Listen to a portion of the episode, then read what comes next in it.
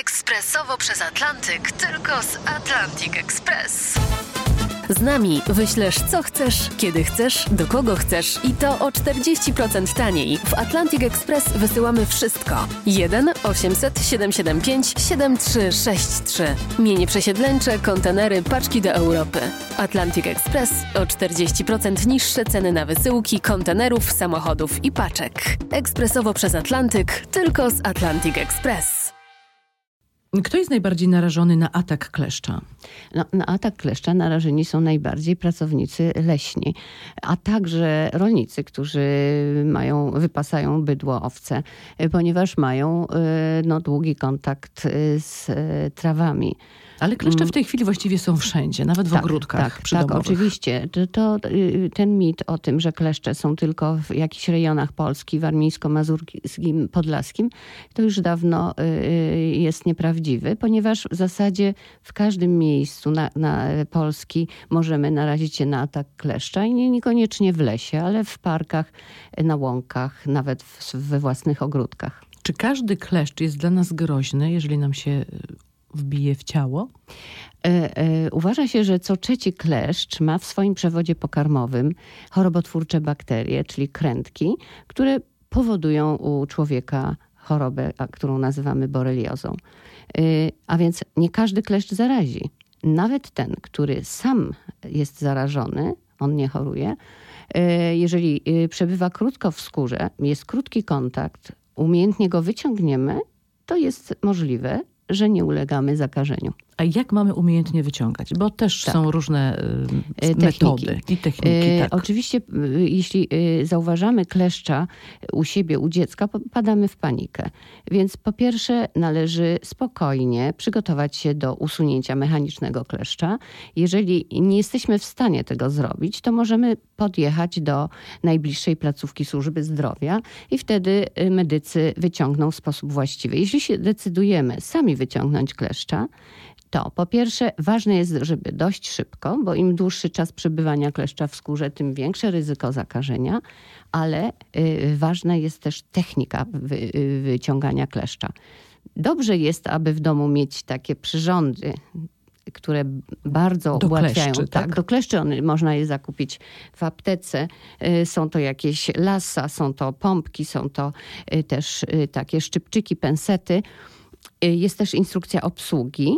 Y, Ważne jest, żeby kleszcz, y, kleszcz był uchwycony przy skórze i jednostajnym ruchem wyciągać kleszcza wzdłuż osi wkłucia. Nie wolno kleszcza wykręcać, przekręcać, y, obcinać y, cążkami do paznokci. Nie wolno zalewać kleszcza y, masłem, jak to czasami się zdarza, czy benzyną, spirytusem, ponieważ oczywiście zabijemy kleszcza w ten sposób, ale zanim zginie, on dusząc się przekazuje patogeny, które ma w swoim przewodzie pokarmowym i w ślinie do krwiobiegu ofiary. A jeżeli nam się nie uda tego kleszcza Właśnie, tak całkiem się wyciągnąć, zdarza. zostają te, te łapki. Tak. I co wtedy? Jeżeli e, zostanie duża, cze- duża, duży fragment y, kleszcza, powinniśmy jednak podjechać do chirurga. Oni sobie z tym świetnie poradzą i wyciągną. Natomiast jeżeli zostają bardzo małe fragmenty, właśnie takie odnóża, Nóżek, tak? należy tylko zdezynfekować skórę i nic z tym nie robić. A czy później obserwujemy Zawsze, zawsze, ponieważ nie wiemy, czy mieliśmy do czynienia z kleszczem zarażonym, czy kleszczem niezarażonym.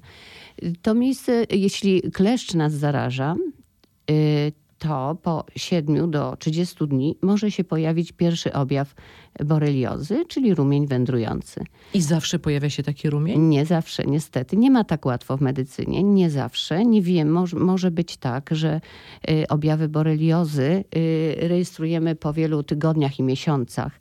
Y, I mogą to być objawy stawowe, e, objawy neurologiczne, a także kardiologiczne. Jednak jeśli mamy taką historię i pamiętamy, że y, y, mieliśmy kontakt z kleszczem, a pojawią się jakieś niepokojące objawy dotyczące y, nawet skóry, mogą się pojawić inne zmiany niż rumień wędrujący, czy, czy bóle stawów, czy, czy jakieś zaburzenia neurologiczne w postaci choćby prze, przewlekłych bóli głowy, należy zgłosić je do lekarza. Ale nie mamy żadnych objawów. Nie mamy rumienia, nie bolą nas stawy. Tak.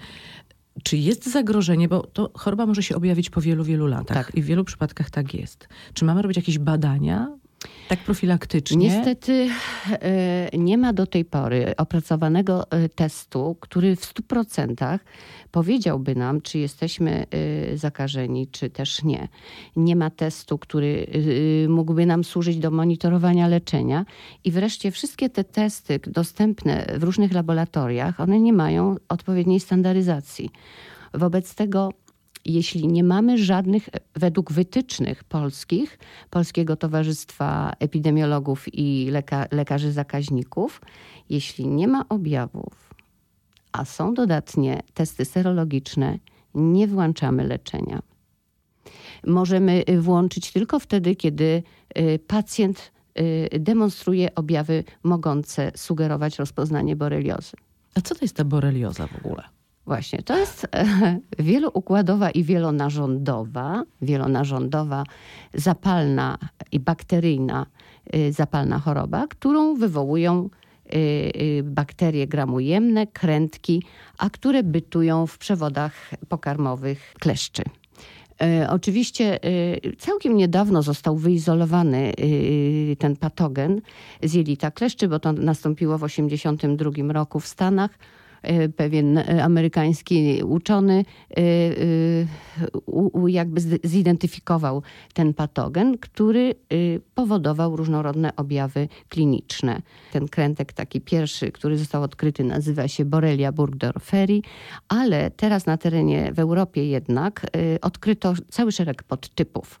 Y, Te krętki mają pewien tropizm do różnych narządów i y, Burgdorferi najchętniej atakuje stawy. Z kolei Garini i Afzeli y, ośrodkowy i obwodowy układ nerwowy, a także y, skórę. Y, Okres wylęgania y, jest bardzo długi, od 7 do 30, czasem wiele tygodni. I jak mm, wcześniej powiedziałam, ta choroba przebiega w trzech fazach. Pierwsza faza wczesna to jest yy, yy, najczęściej takim podstawowym objawem jest rumień wędrujący. To jest taka czerwona plama, która z dnia na dzień ulega poszerzeniu, a centralnie się przejaśnia. I to jest tak charakterystyczna zmiana, że każdy lekarz Tak, to wtedy to powinien jest ją rozpoznać. Nie należy wykonywać żadnych dodatkowych badań, ale włączamy leczenie. Mm, Ale ktoś przegapi ten rumień, Tak, y, albo nie ma, tak nie jak widać. mówimy, żadnych objawów. Y, Czym grozi nam nieleczenie boreliozy? Nieleczenie boreliozy grozi nam przejście w fazę przewlekłą. Więc, więc y, jeśli nie zauważymy rumienia lub go w ogóle nie było i e, pacjent zaczyna chorowanie od jakby tego, tej roz, rozsianej postaci, no to oczywiście zajęte są, jak mówię, układ ruchu, narząd ruchu, który to, toczy się, tocząc się przewlekle. I jeśli nie włączymy leczenia, w późniejszym, w tej późniejszej, e, w późniejszym stadium leczenie nie jest już skuteczne, y, pacjent ma uszkodzony nieodwracalnie poważnie narząd ruchu. Podobnie z ośrodkowym układem nerwowym. Jeśli nie, y, w tej fazie rozsianej, wczesnej nie zastosujemy leczenia i przejdzie w fazę przewlekłą, późną, to y, y, już leczenie fazy późnej nie jest tak efektywne jak tych wcześniejszych. Są już szkody. Często oczywiście kleszcze pojawiają się u naszych zwierząt, Tak. u psów, kotów. Czy wyciągamy też te kleszcze? Oczywiście. Najczęściej sami. Najczęściej sami, oczywiście. I Jeżeli tutaj- to potrafimy robić. Czy te zwierzęta również mogą być chore na boreliozę? Tak, oczywiście. Też, y, one chorują podobnie jak y, człowiek. Tyle tylko, że bardzo trudno rozpoznać u pieska, kotka y, te objawy y, wczesne mm, i, późne. Y, No, y, oczywiście powinniśmy wyciągnąć kleszcza ze zwierzęcia w ten sposób, żeby mieć rękawiczki i te same zasady muszą obowiązywać, które y, kiedy y, wyciągamy. człowieka. Tak.